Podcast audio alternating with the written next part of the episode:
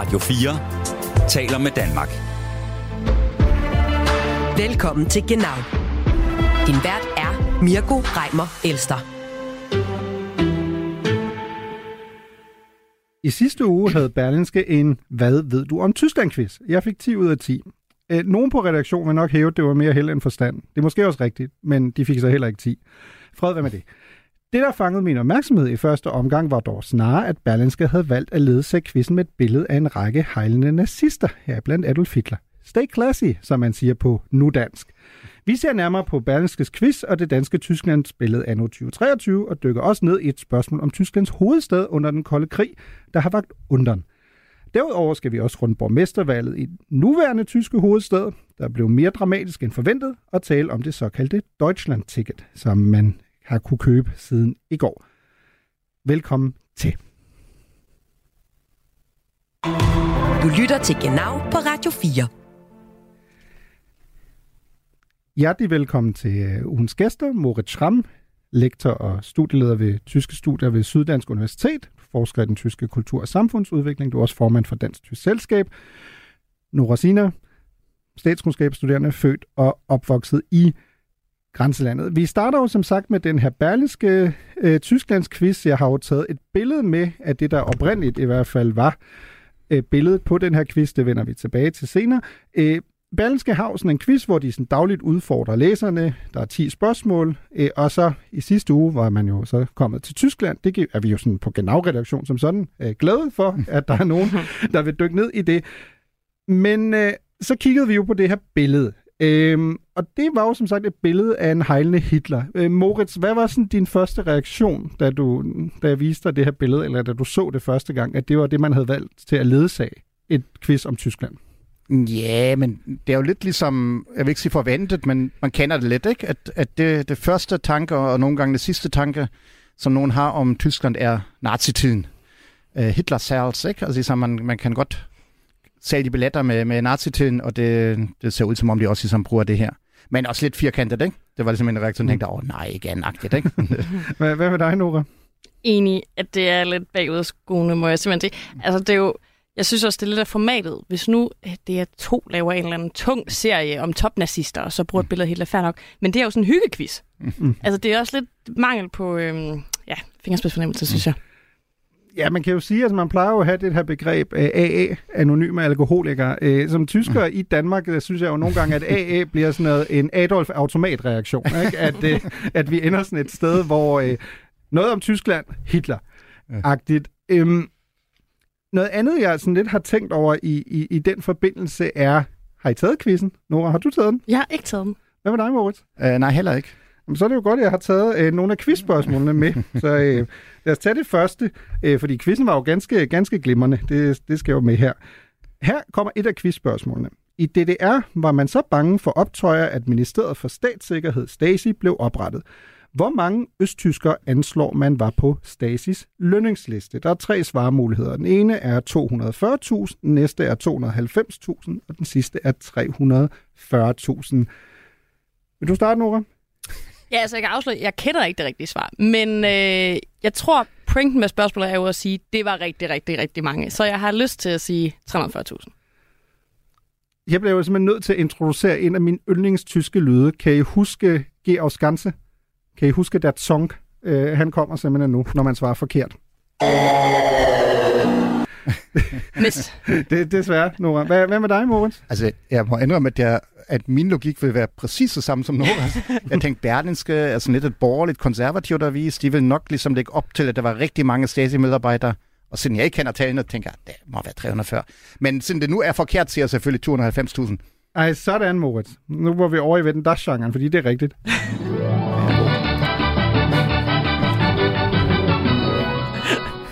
Det, det, der slog mig, øh, og i øvrigt øh, hilsner til Berlingske, god reklame, I får her jo, mm. er, at det, der virkelig slår mig med, når man vælger de her muligheder, også de ligger meget tæt op ad hinanden. Mm. Ikke? At selv hvis man virkelig er mm, nærmest ekspert på, på Stasi-området, Altså lige at mm. lave de her 50.000 mellemrum er også, øh, selv hvis man er velinformeret, måske mm. lige lovligt svært, ikke? Som, som du også er inde på.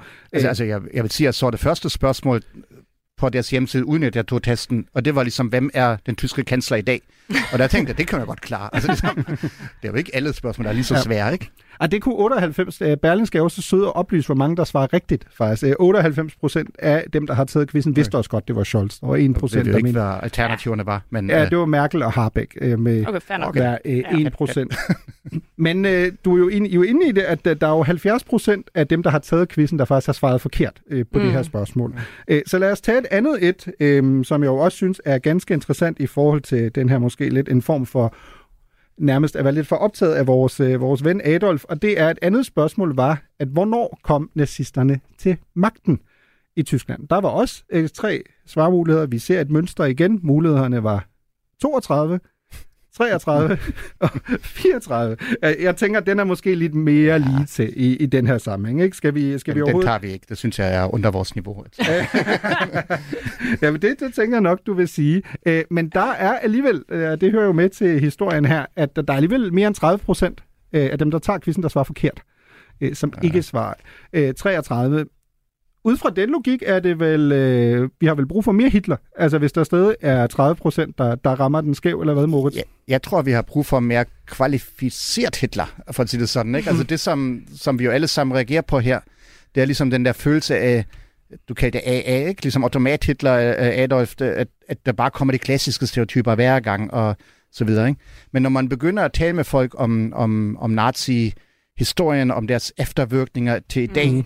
som jo nogle gange gør, og så, øh, kraft af mit arbejde, min baggrund videre, føler jeg, at der er rigtig mange, der ikke kender meget til de nogle gange ret komplekse udviklingslinjer, der var efter 45 mm. og så videre. Mm. Så jeg synes, det kunne være dejligt at tale mere Adolf, eller måske ikke direkte Adolf, men mere nazi-tiden på en god måde.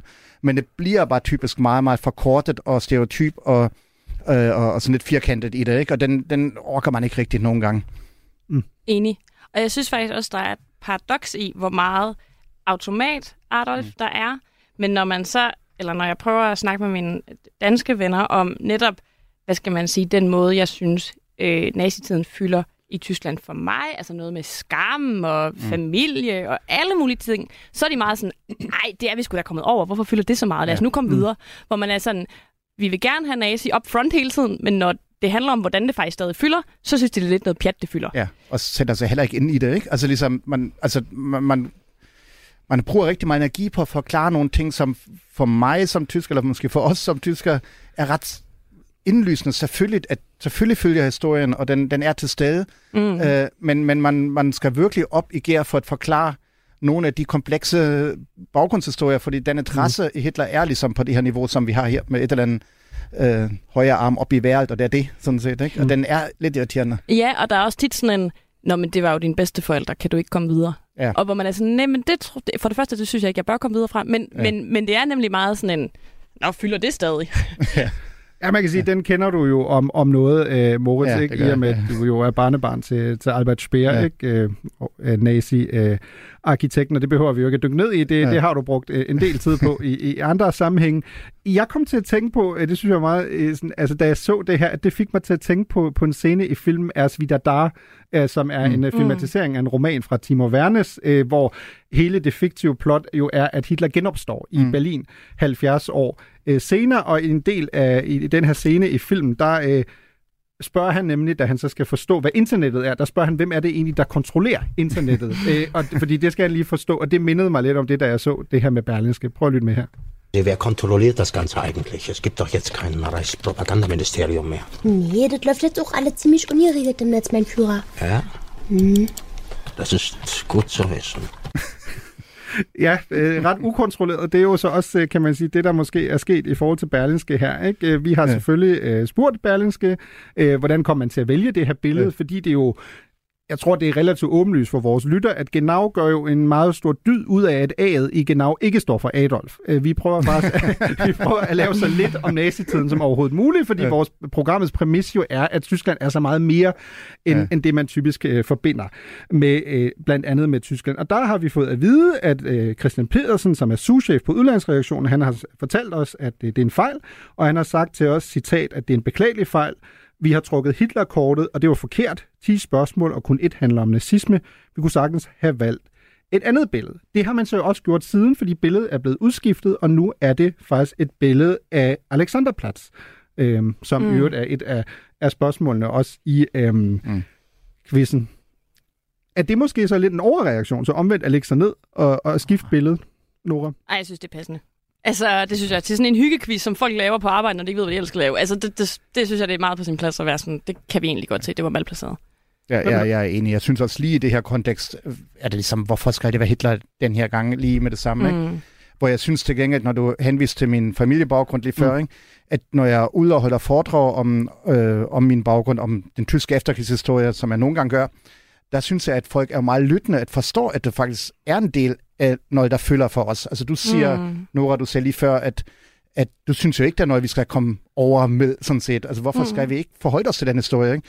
Så jeg synes jo ikke, at vi skal lægge nazi til bage og så lægge den væk. Det synes jeg er helt forkert. Jeg synes bare, at vi skal kvalificere det, og ikke ligesom komme med de der automatreaktioner ligesom mm. her. Øhm, og, og Alexanderplatz er sikkert mere rammende her, vil jeg nok sige, ikke? lige det her. Ja, om end, øh, der er vi jo tilbage til, hvor meget ved du om Tyskland, at der var så en meget stor del af dem, der svarede, der faktisk lige præcis ikke kunne forbinde øh, øh, det her billede med Alexanderplatz. Ikke? Hvad, øh, noget, der glæder mig, er, at Berlingske også har fortalt, at der snart kommer en ny quiz om øh, Tyskland. Vi skal nok holde øje med, hvor mange nazi-spørgsmål der er der. Men øh, har I input til, hvad, sådan, hvad for en kategori vil I hellere over i forhold til at stille spørgsmål? Altså, jeg vil faktisk sige, i forhold til det, du siger, Moritz, jeg er mm. helt enig, at alt det, der kommer efter... Altså, jeg er skræmt over, hvor lidt øh, mange ellers meget begavede mennesker ved om Tysklands deling efter.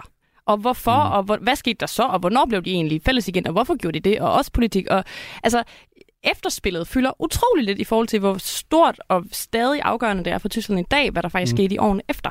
Mm. Så noget med de 50 år fra 45 til 95, vil jeg synes var oplagt. Mm. Mm. Hvad med dig, Mort? Ja, jeg er enig. Uh, jeg, jeg synes dog også, altså udover det, som jeg er enig med, at det helt aktuelle også trænger til en update nogle gange, ikke? fordi der har vi også lidt de samme stereotyper. Altså, nogen tror fortsat, at 99 luftballons er noget, som tyskerne går rundt i og hører. Ikke? altså, ligesom, det er sådan, altså, hvorfor ikke tage ligesom dykke ned i, den, i de mere aktuelle mm. udviklinger der? Ikke? Um, og jeg skal ikke komme med anbefalinger, men jeg synes, der ligger, der ligger, en, altså, der ligger en interesse i Danmark i det aktuelle Tyskland, men igen er det sådan, at den interesse måske ikke er sådan vanvittigt dybtgående, så man kunne nogle gange ønske sig, at der var lidt mere fokus på, på de komplekse udviklinger, på nuancerne, hvad der sker i det, i det store land, øh, og så videre. Ikke? Og det, mm. det kunne godt være, at det skulle med. Og så synes jeg, Berlin er skøn og dejlig, og hovedstaden og sådan noget, men jeg ved ikke, hvor mange gange folk har spurgt mig, jeg skal til Berlin i weekenden, hvad skal vi lave? Og der er dejligt, men der er så meget andet. Der er så mange millioner byer, og ja. Hamburg og München er også fint, men jeg tror ikke, jeg kender nogen, der har været i Køln, for eksempel. Jeg har været der. du lytter til Genau på Radio 4. Det var faktisk en glimrende overgang, at øh, Tyskland er mere end Berlin, Nora, fordi vi, vi fortsætter i sporet på, på den her berlinske quiz, øh, og alligevel øh, går lidt et andet øh, hjørne. Et af spørgsmålene i quizzen er nemlig, lyder sådan her.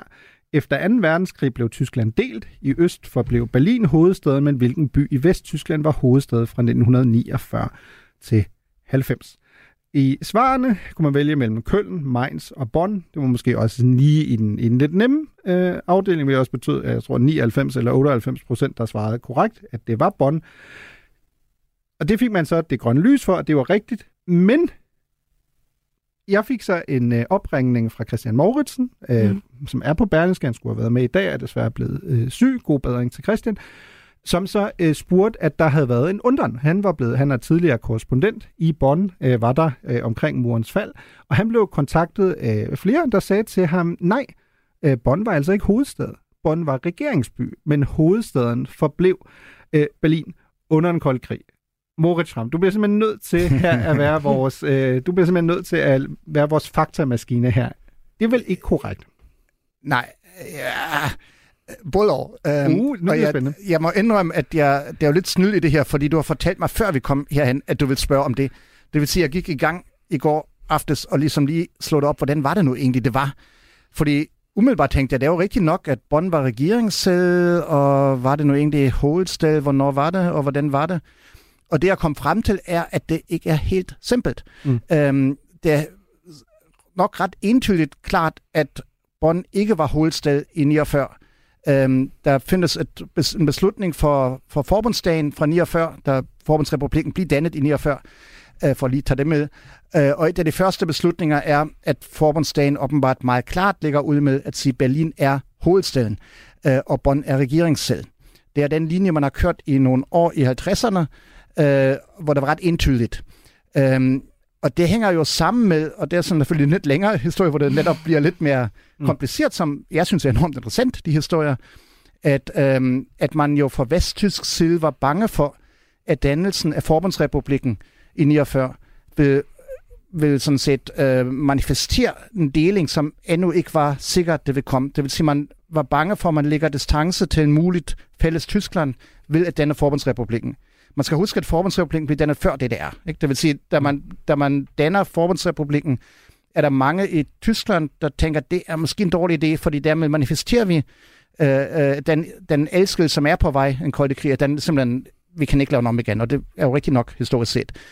Øh, og i den forbindelse var der nogen, der var, gik meget op i at sige, men i det mindste skal vi holde fast i, at Berlin er hovedstaden, for at vise, at vi fortsat tænker i en fælles tysk stat, og det her er bare det, man så berømt har kaldt et provisorium, mm. en overgangstid, inden vi får enheden. Og hvis hele Forbundsrepublikken kun er en provisorium, betyder det jo ligesom, at, at så kan Bonn jo heller ikke være rigtig hovedstaden. Så er det kun et provisorisk hovedstad, eller en regeringssted, eller hvad er det så egentlig? Mm. Og derfor er den, det, det spørgsmål, du stiller, ikke helt nemt at svare på, for det, hvad er det så egentlig? Øhm, og mig bekendt begynder det at skifte en gang i 60'erne, hvor man for første gang begynder at omtale Bonn som hovedstad direkte, Bundeshauptstadt. Mm. Øhm, og, og dermed er ikke provisorium afskaffet, men nu skifter man ligesom sproget sådan set, den nye sprogpolitik, at nu er Bonn hovedstaden, øh, øh og Berlin, var Berlin egentlig så? Ikke? Det er ligesom lidt uklart det hele. Så på den måde synes jeg, at, at det, er, det er en meget interessant undersøgelse, eller spørge ind til, hvad er det så egentlig? Er det rigtigt, det der svar? Ikke? Jeg tror, i, i sådan 70'erne, 80'erne er svaret rigtigt nok, der var Bonn officielt omtalt som mm. hovedstad for Forbundsrepublikken. Men det var det sådan set ikke i starten. Og selv senere var det alligevel fortsat under et vist forbehold om at være provisorisk. Må jeg spørge om noget? Ja. Det er meget spændende. Men må jeg spørge om, da man så begynder at kalde det Bundeshauptstadt, der i 60'erne, var der en skal man sige, debat omkring det, eller blev det sådan lidt snedet ind? Var det ligesom, nu lægger vi om? Øh, jeg må indrømme, at jeg ikke er 100% klar over Nej, okay. Jeg ved faktisk heller ikke præcis, hvornår det var, det skifter, men måske har Mørke rechercheret lidt omkring det, mm. øhm, så du kan opklare det hele. ja, jeg, men, kan, men, jeg kan prøve at, at være øh, Paul, men, deres orakel. Ja, jeg vil sige, det er rigtig godt, men jeg vil sige, at der generelt jo hele tiden har været diskussioner i ja. Forbundsrepublikken om mm. den status, man skulle have. Ja. Og jeg voksede op i Vestberlin, øh, som øh, vist blev navn før, mm. øh, og Vestberlin havde jo et provisorisk statum, at vi sådan set som udgangspunkt ja, nu bliver det svært igen, ikke var en del af Forbundsrepublikken. Det er jo ikke helt rigtigt. Vi var mm. en del af Forbundsrepublikken, men vi var ikke en ligeværdig del. Mm. Vores uh, repræsentanter i Forbundsdagen havde ikke stemmeret, og de lov, der mm. blev besluttet i Forbundsdagen, var ikke gældende for Vestberlin med mindre det Vestberliner parlament overtog dem efter en beslutning, som de gør hver gang mm. automatisk. Um, og jeg havde ingen personalosvejs, for eksempel. Jeg havde mm. ingen tysk pas, jeg havde en behavsmæssig personalosvejs, mm. som er sådan midlertidigt identitetskort, fordi vi som Vestberliner ikke var helt med i det. Og det vil sige, at det der provisorium situation, den var ligesom gældende helt op til 89, og den havde forskellige udformninger, som var lidt uklart. Og det var meget politisk, om man ligesom sagde, Vestberlin er en del af Tyskland, eller om man siger, det er en særstatus, det er noget andet. Det, det var aldrig uden debatter i, mm. i Forbundsrepublikken. Ja. Forbundsrepublikken var enormt polariseret i min tid, og det var, det var hele tiden også de spørgsmål om, mm. hvem, hvem er vi som tyskere. Det lå hele tiden i det, og det var Klart. uopklart. Ikke? Mm. Vi, lad os gøre det endnu mere kompliceret, fordi at der, der er jo også en ting her, sådan, altså jeg vil jo have elsket at se uh, samme med berlinske spørgsmål med andre svarmuligheder, fordi man kan ja. sige, uh, Køln øhm, og, og Mainz var måske tilpas nem at regne ud, at det var det ikke. Det havde mm. man nok, apropos hørt om uh, en gang eller to, mens man uh, gik i folkeskolen og, og hørte om det delte Tyskland. Hvis nu det havde været, lad os sige, Berlin, apropos, hvad havde folk svaret? Og så lad os lige introducere for yderligere komplicere det hele. Frankfurt. Øh, fordi når vi går tilbage til 1949, da man jo skal beslutte sig for, hvad der så skal være, lad os kalde det et form for regeringshovedsæde, eller et provisorisk øh, tysk, øh, vesttysk forbundsstat, hovedstad, så er der jo to muligheder. Der er Frankfurt, og der er Bonn. Vil du fortælle lidt om den diskussion, der er dengang, Moritz? Den er jo også enormt spændende, blandt andet fordi afstemningen jo faktisk er ganske, ganske tæt i forhold ja, til, at det sagtens, ikke? Ja, ja. kunne sagtens have været mm. Frankfurt. Og efter sine gik der en del penge under bordet til Bonn, ikke? Altså ligesom der er nogen, der blev Mm. bestikket simpelthen til at øh, stemme for Bonn.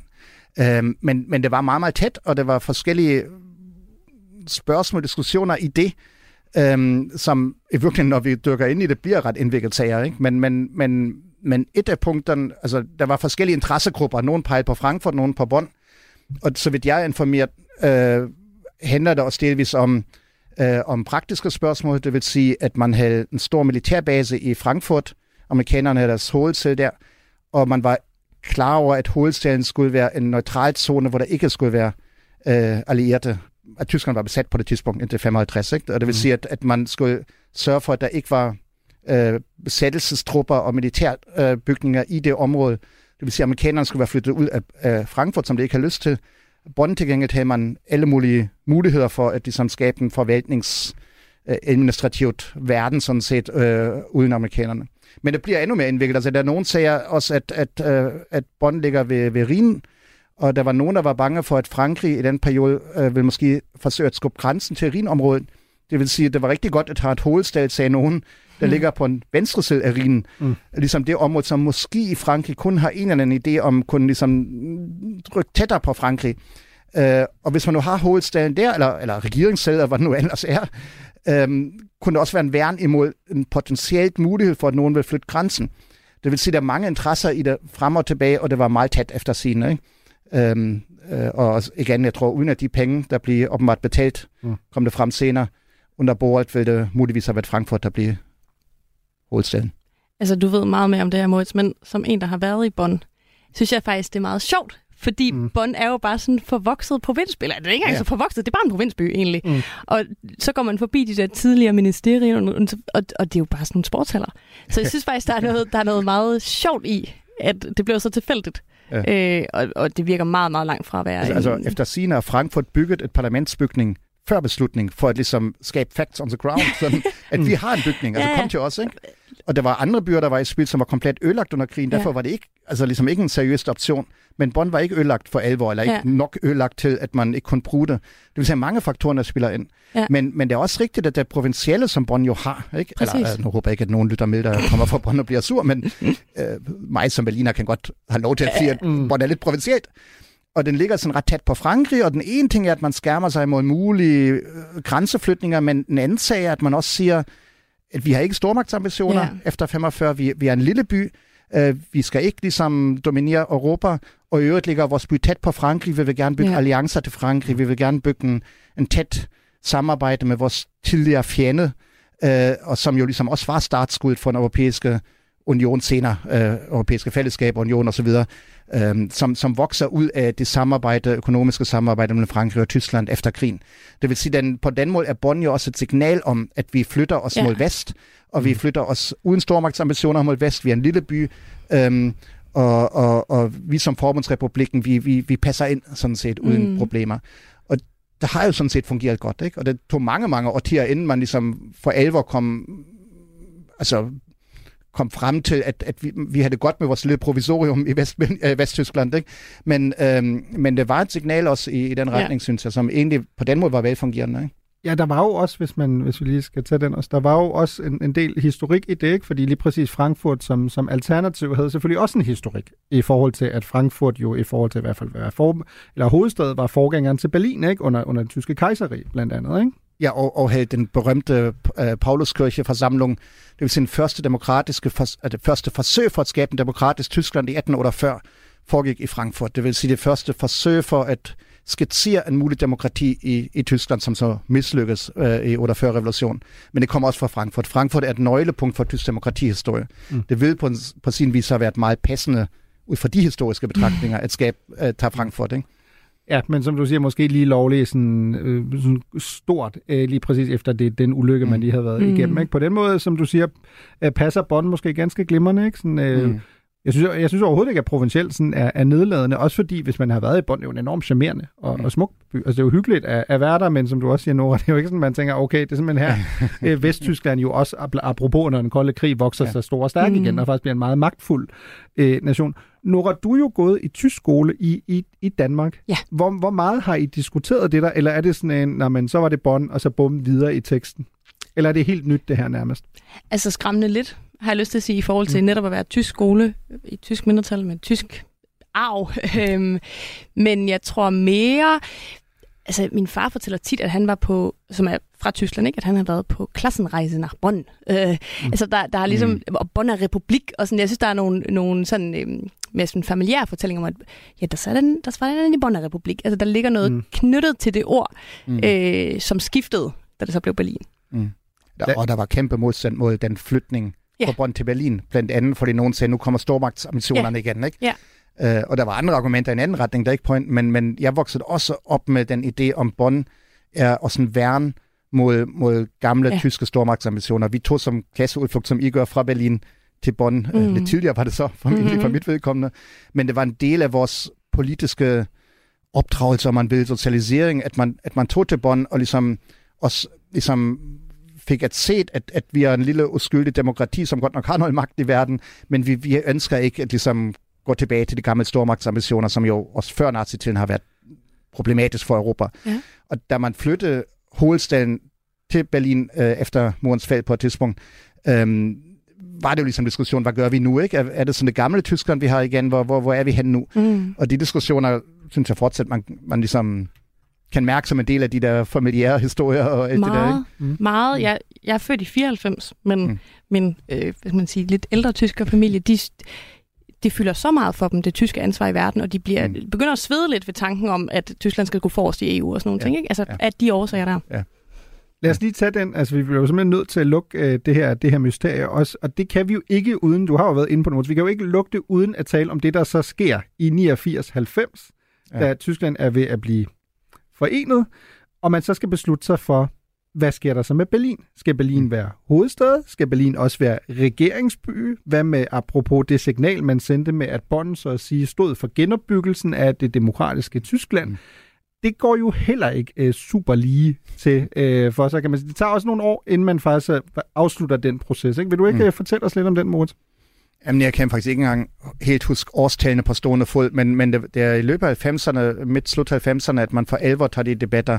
Og der, der er det sådan, at, altså, at der er forskellige argumenter på spil, som går på tværs af klassiske politiske skæld, interessant mm. nok. Det er ikke sådan venstrefløj og højrefløjen. Der er forskellige øh, positioneringer i spil. Blandt andet er der selvfølgelig mange i Østtyskland, der siger, og, og nogle vesttysker, der er enige, der siger, at, at det er et forkert signal at holde fast i Bonn, fordi man dermed viser over for Østtyskland, at vi fortsat er et vesttysk øh, forbundsrepublik, som, hvor der bare er kommet nogle østtysker til. Ikke? Mm. Og sådan var det måske i realiteten også, men man vil trods alt skabe den signalværdi om, mm. at, øh, at vi flytter hovedstaden mod øst, og, dermed øvrigt også mod, mod, mod Østeuropa, sådan set. At man siger, at man åbner sig, det var et af argumenterne, man åbner Tyskland mod, mod Østeuropa i den forstand, at Berlin er det første hovedstad øh, på den anden side af den forhenværende mm. mur, sådan, eller, eller den, øh, den kolde krigs elskelsesmur, øh, jerntæppet, og det vil sige, at man også åbner over for Polen og andre steder med, med manifesterer det.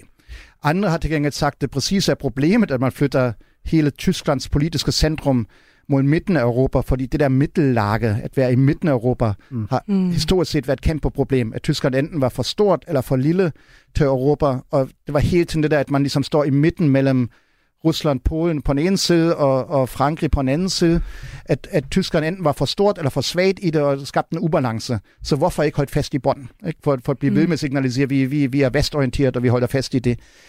Og de diskussioner gik frem og tilbage, og det var øh, meget bekendt meget tæt afstemning i forbundsdagen på et ja. tidspunkt.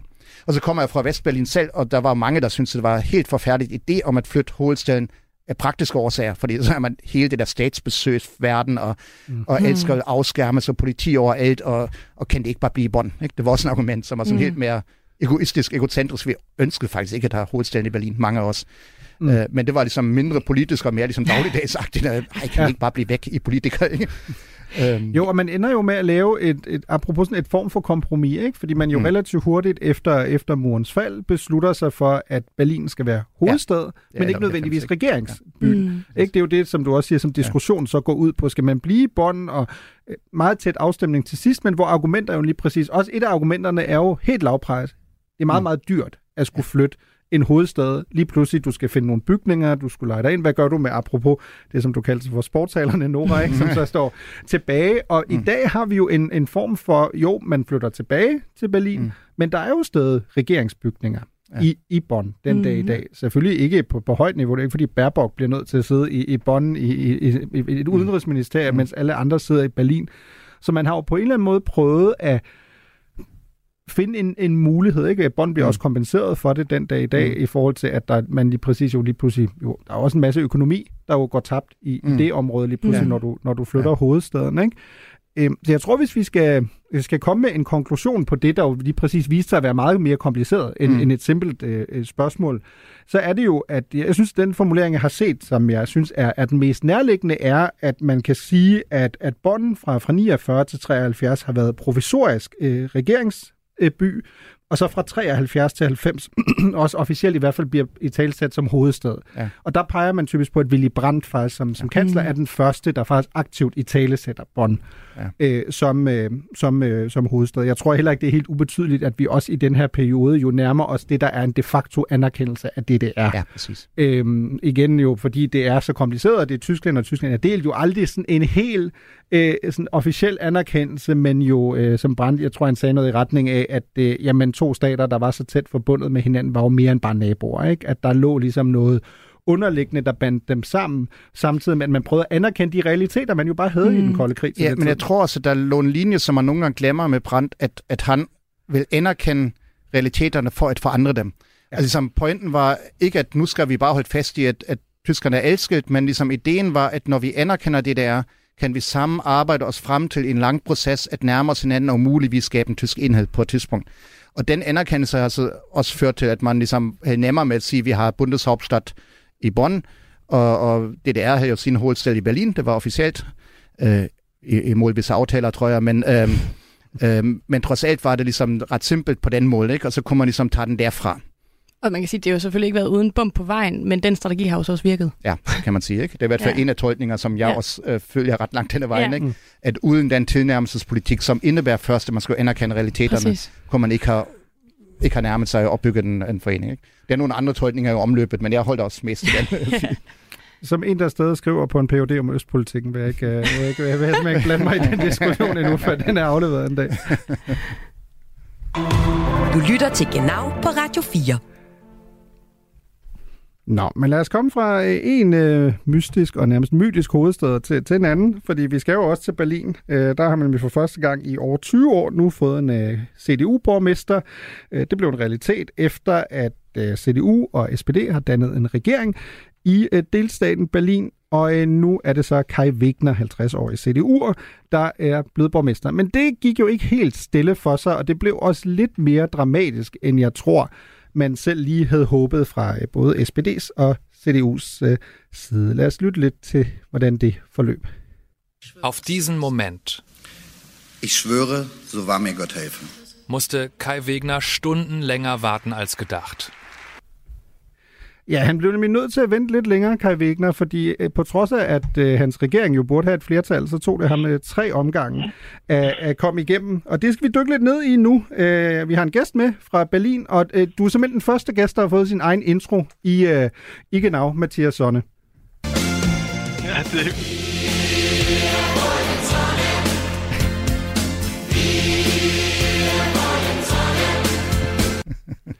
Ja, jeg vil, vil jo virkelig gerne give... Ja, jeg vil virkelig gerne give Nora og Moritz en intro, ja, men det, det, det, det, det er svært. Ja, men altså. vi, vi må skrive til Rolf Sukowski og sige, at det er simpelthen nødt til at lave noget til jer også.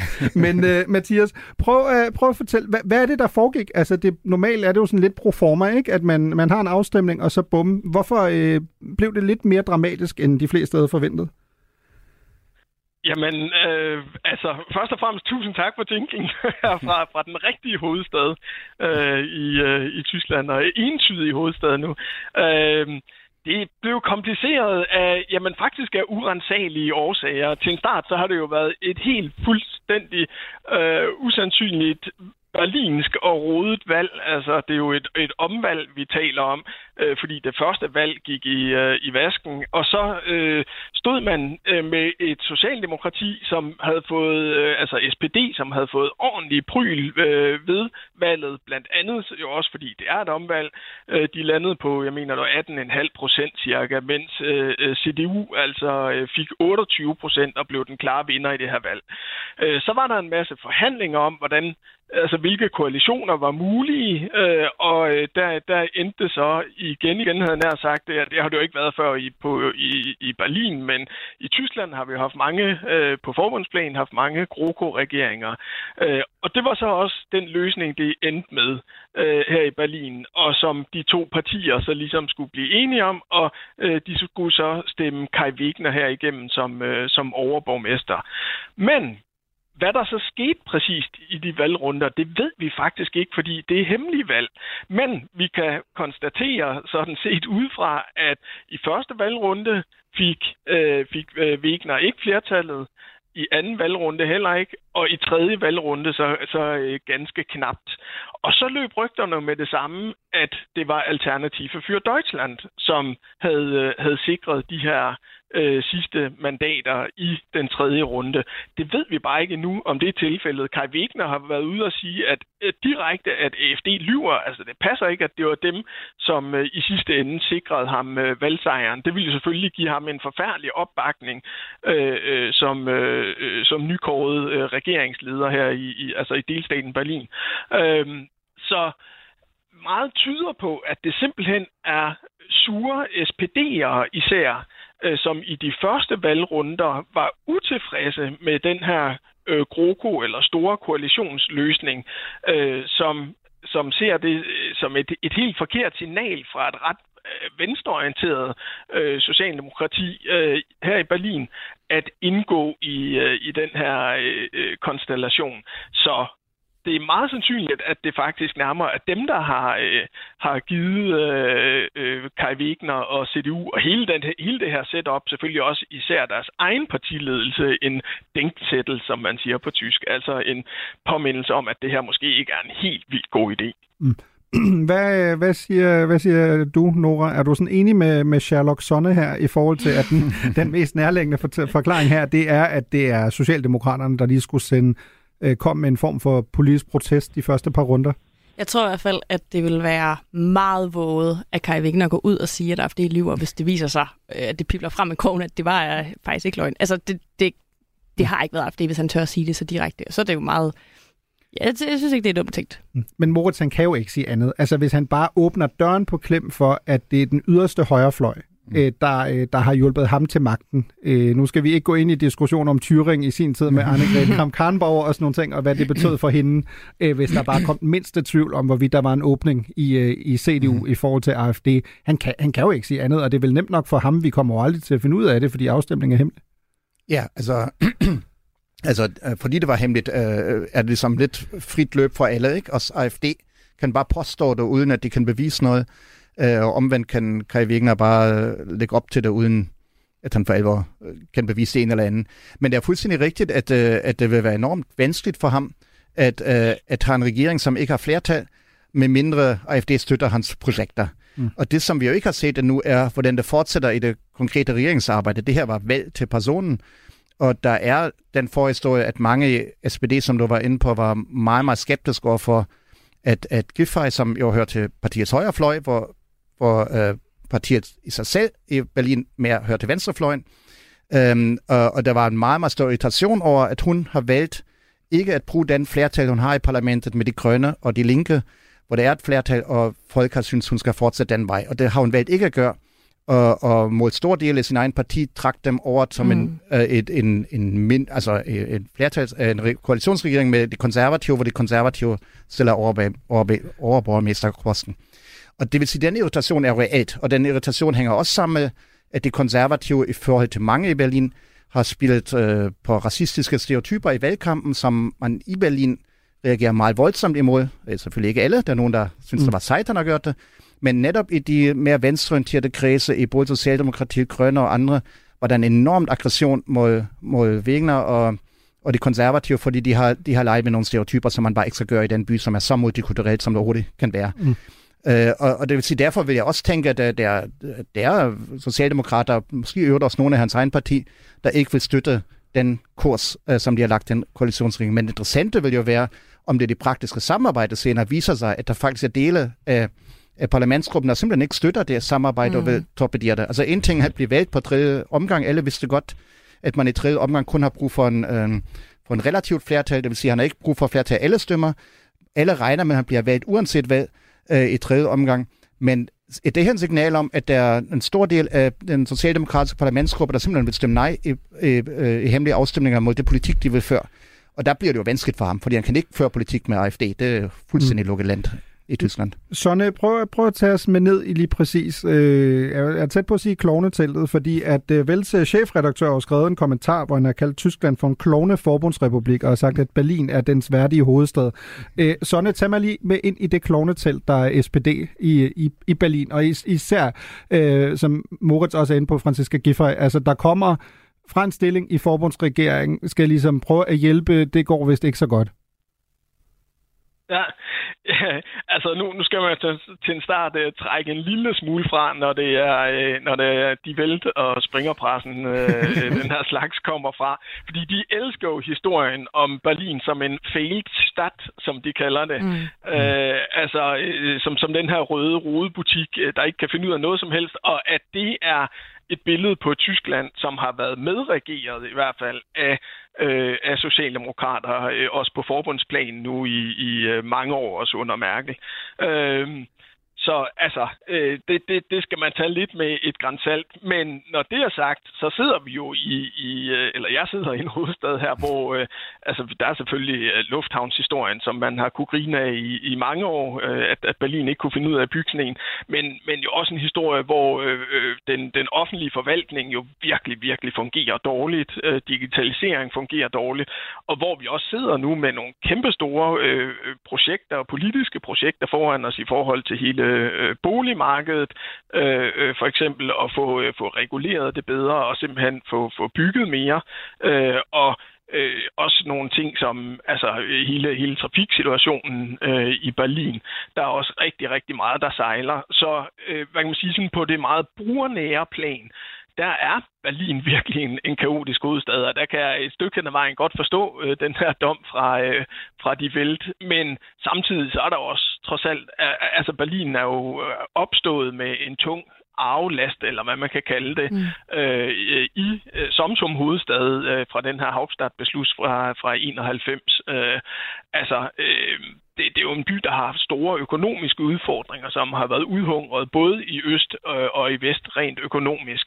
Øh, og der har Berlin jo faktisk også formået at få rigtig mange ting på benene, blive et stærkt forskningscentrum, nu også at have trukket industri som Tesla osv. Så, videre.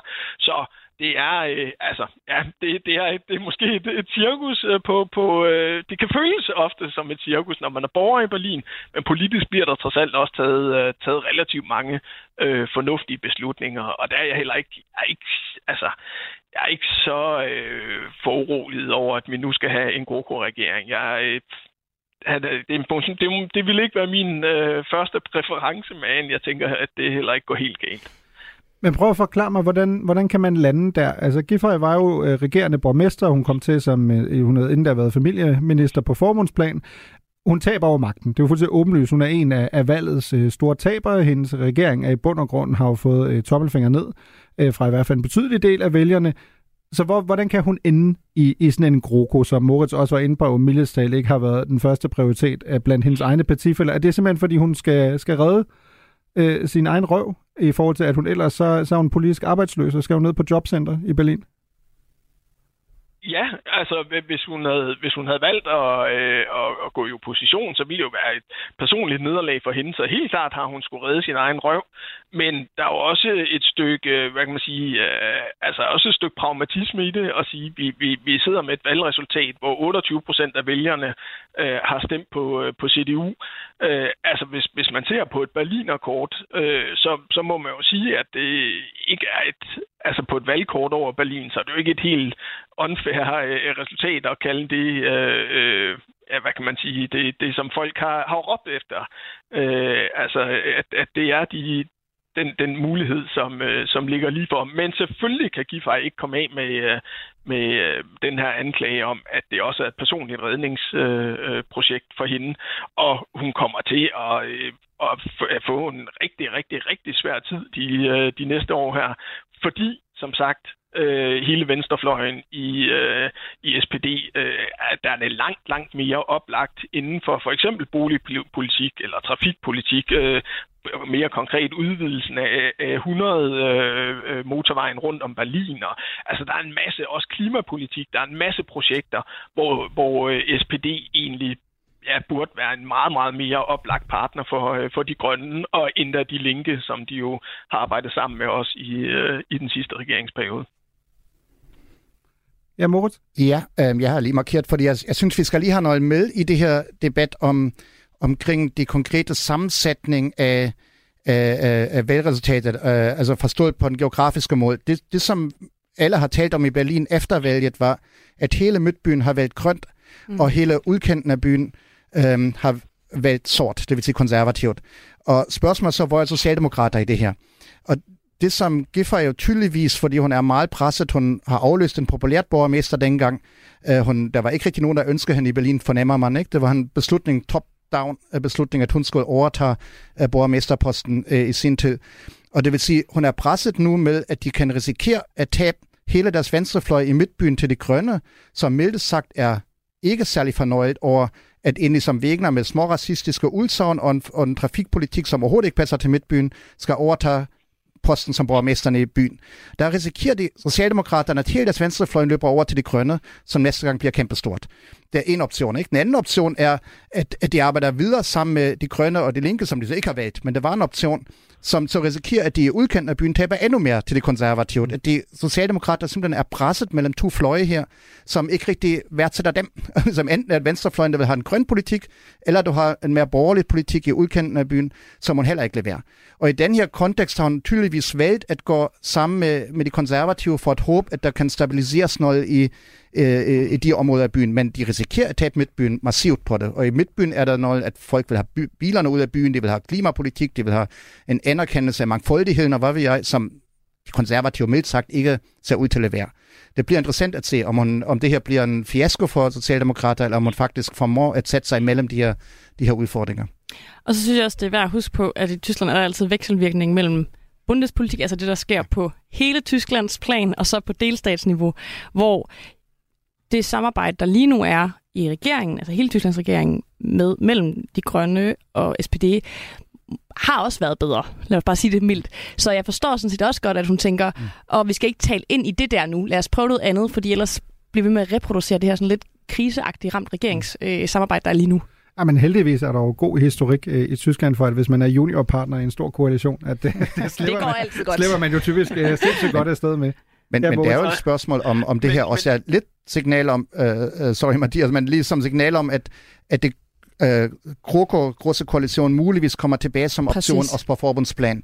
Fordi det går ikke særlig godt, og når man ser på målingerne, er det ikke rigtig nogen, der har et flertal, så muligvis kunne der være noget, der ligesom genopstår ud fra, fra de afdøde srige, tænker man.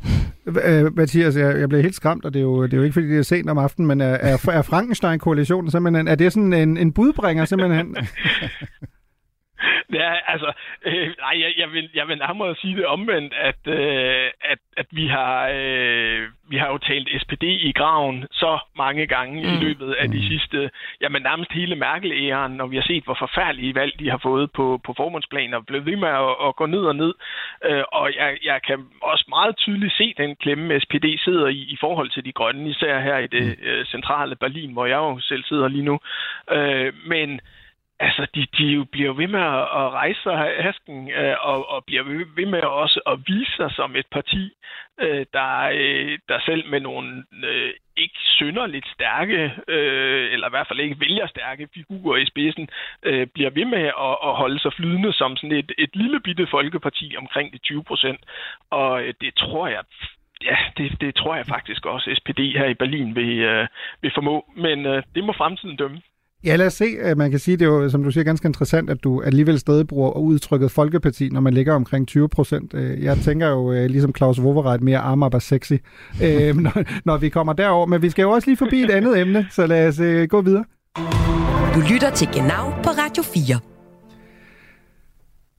Vi skal jo selvfølgelig også her øh, til sidst lige runden, at øh, det er jo den 2. maj i dag, så det var jo faktisk i går, at øh, man nu kunne begynde at købe det såkaldte Deutschland-Ticket. Lad os høre lidt om det. Morgen startet endlich das 49-Euro-Ticket. Ich habe mein schon vorbestellt. Du auch? Geil! Ja, lige præcis. Fra 1. maj, 49 euro om måneden, så kan man simpelthen rejse på kryds og tværs i, øh, gennem Tyskland med tog, øh, dog kun af anden klasse, og regionaltog, øh, bus og hvad ikke. Sonne, her øh, på falderæbet, har du købt sådan en billet, og hvor, hvor skal man tage fra Berlin? Hvor vil du tage hen, hvis du havde sådan en billet, hvis jeg får dig en? ja, nej, jeg har, jeg har et Bahncard 50, altså sådan et, hvor man får 50% med Deutsche Bahn. Mm. Så, øh, så jeg køber simpelthen min billet fra, fra gang til gang. Men jeg overvejer at købe en, øh, øh, en af de her nye øh, 49 euro billetter, fordi øh, så kan man jo komme ud i oplandet her omkring Berlin, og det hele er simpelthen så grønt og lækkert for tiden. Så, mm. så det var det, jeg ville gøre. Jeg ville køre ud til nogle søer. Øh, det er jo den regionale trafik, man må bruge med dem. Mm. Hvad, hvad med dig, Nora? Hvis jeg, hvis jeg stak dig sådan et Deutschland-ticket i hånden, hvor vil du tage hen? Til Bonn igen, eller... Jamen, det er jo så lige det, der er problemet. Med regionalforkert til Bonn, tror jeg, vil tage forholdsvis længe, så jeg vil nok have avnet sted i Mecklenburg-Vorpommern eller eller noget. Schleswig-Holstein, hvis det skal blive helt tæt. Ej, men der er jo mega mange fine steder i Tyskland. Der er jo mange flotte steder at tage til, og jeg synes kun, det er godt, at øh, whatever works, altså få folk ud af de biler. Ja, det har jo været en lang diskussion, Moritz. Ikke? Man kan sige, det er jo en afløber af den 9, det 9 euro ticket, mm. som man havde, øh, som var meget populær i programmets tidligere vært. Mm. Thomas Schumann var jo blandt andet afsted øh, med, med sådan en billet, og jeg tror, han kom blandt andet til Bamberg, hvor han jo friede til sin øh, nu øh, kone. Så tænk, hvad, hvad den billet ikke har, har gjort, øh, også for det her program. Moritz, vi kan jo ikke komme udenom, der har jo været lidt bøvl selvfølgelig. Ikke? Det, det er jo Tyskland, så det gik jo ikke, gik jo ikke helt øh, glat i forhold til at rulle det ud, i forhold til server og andet. Men der er vel også en større pointe her. Men sådan er jo lidt inde på den. Der er jo nogle pendlere, der må blive rigtig glade nu. Ikke? Fordi mm. i stedet for at skulle købe et dyrt pendlerkort, så køber du bare et Deutschland-ticket i stedet mm. for. Så det er vel, apropos klima, en genial løsning. Ja, for nogen kan det være en god løsning. Ikke? Og man, man, der har været nogle, nogle sammenligninger, der sagde, at, øh, at de fleste øh, i nærområdet vil profitere fra det her. Dog ikke alle, øh, men, men ret mange.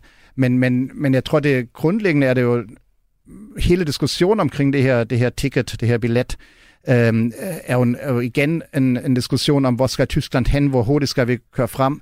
Og der var helt andre forslag på bordet, hvor man ligesom vil have enten fortsat med 9 øh, euro-billetten, eller man vil øh, måske også gøre det endnu dyrere. Det var meget omdiskuteret og meget uklart, og, og jeg synes udenfra set, også nogle af de processer, hvor man ligesom nogle gange tænker, kan I ikke bare få det gjort i Tyskland? Ikke? Altså, øhm, og, og så er der jo ligesom også øh, generelt et problem, at man øh, at, den, at, at infrastrukturen i Tyskland ikke fungerer særlig godt, ikke? Og det her øh, er ligesom lidt en, noget, hvor man giver lidt en, en nogenlunde billigt billet, som heller ikke er billigt for alle, men mm. dog lidt til noget, og samtidig går man ikke i gang for alvor at udbygge øh, jernbanen, øh, altså hele jernbanesystemet, som man har nedprioriteret i mange år, som er helt forfærdeligt i mine øjne, ikke?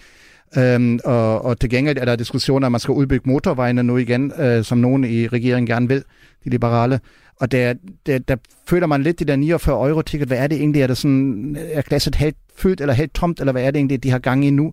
Hvor man tænker, hvorfor ikke være lidt innovativt, som man jo engang har tænkt, at Tyskland kunne være, øhm, med at gøre det gratis øh, det hele, eller gøre det billigt, så at folk for alvor kan bruge det, og, og til gengæld bruge de penge, i stedet for at bygge motorvejene, øh, at, at for alvor investere i, i jernbanestrækninger, som man sammenlignet med andre europæiske lande har været langt, langt bagud i mange år. De har simpelthen ikke investeret ordentligt i, i infrastrukturen.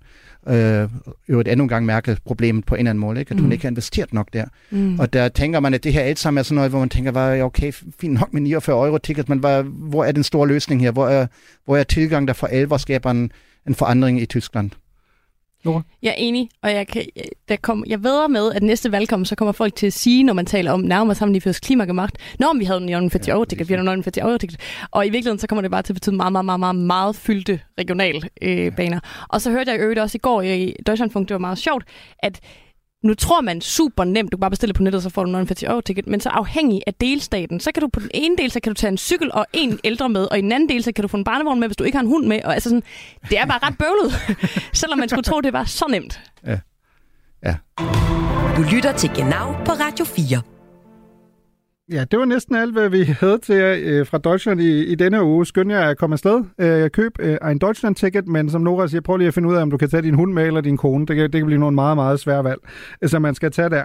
Man plejede jo at sige, Bonn ist nicht Weimar, med henvisning til de ustabile politiske forhold under Weimar-republiken. Men gæt lige, hvilken by, der blev valgt til årets kulturstad i 1999, året hvor Berlin officielt blev regeringshovedstad igen, nemlig Weimar. Tak til ugens gæster og redaktionen. Uanset om man som de vel synes, at Berlin er en værdig hovedstad i Klovneforbundsrepublikken eller ej, så slutter vi med en hyldest til byen fra Peter Fox. Genau går for en gang skyld i Adolf Hitlers sko, i hvert fald den fiktive af slagsen, og vender stærkt tilbage og siger, vi sind wieder da, også i næste uge. Auf Wiedersehen. Berlin, du kannst so hässlich sein, so dreckig und grau. Du kannst so schön schrecklich sein, deine Nächte fressen auf. Es wird für mich wohl das Beste sein, ich geh nach Hause und schlaf mich auf. Und während ich durch die Straßen laufe, wird langsam schwarz zu blau. Du har lyttet til en podcast fra Radio 4. Find flere episoder i vores app, eller der, hvor du lytter til podcast. Radio 4 taler med Danmark.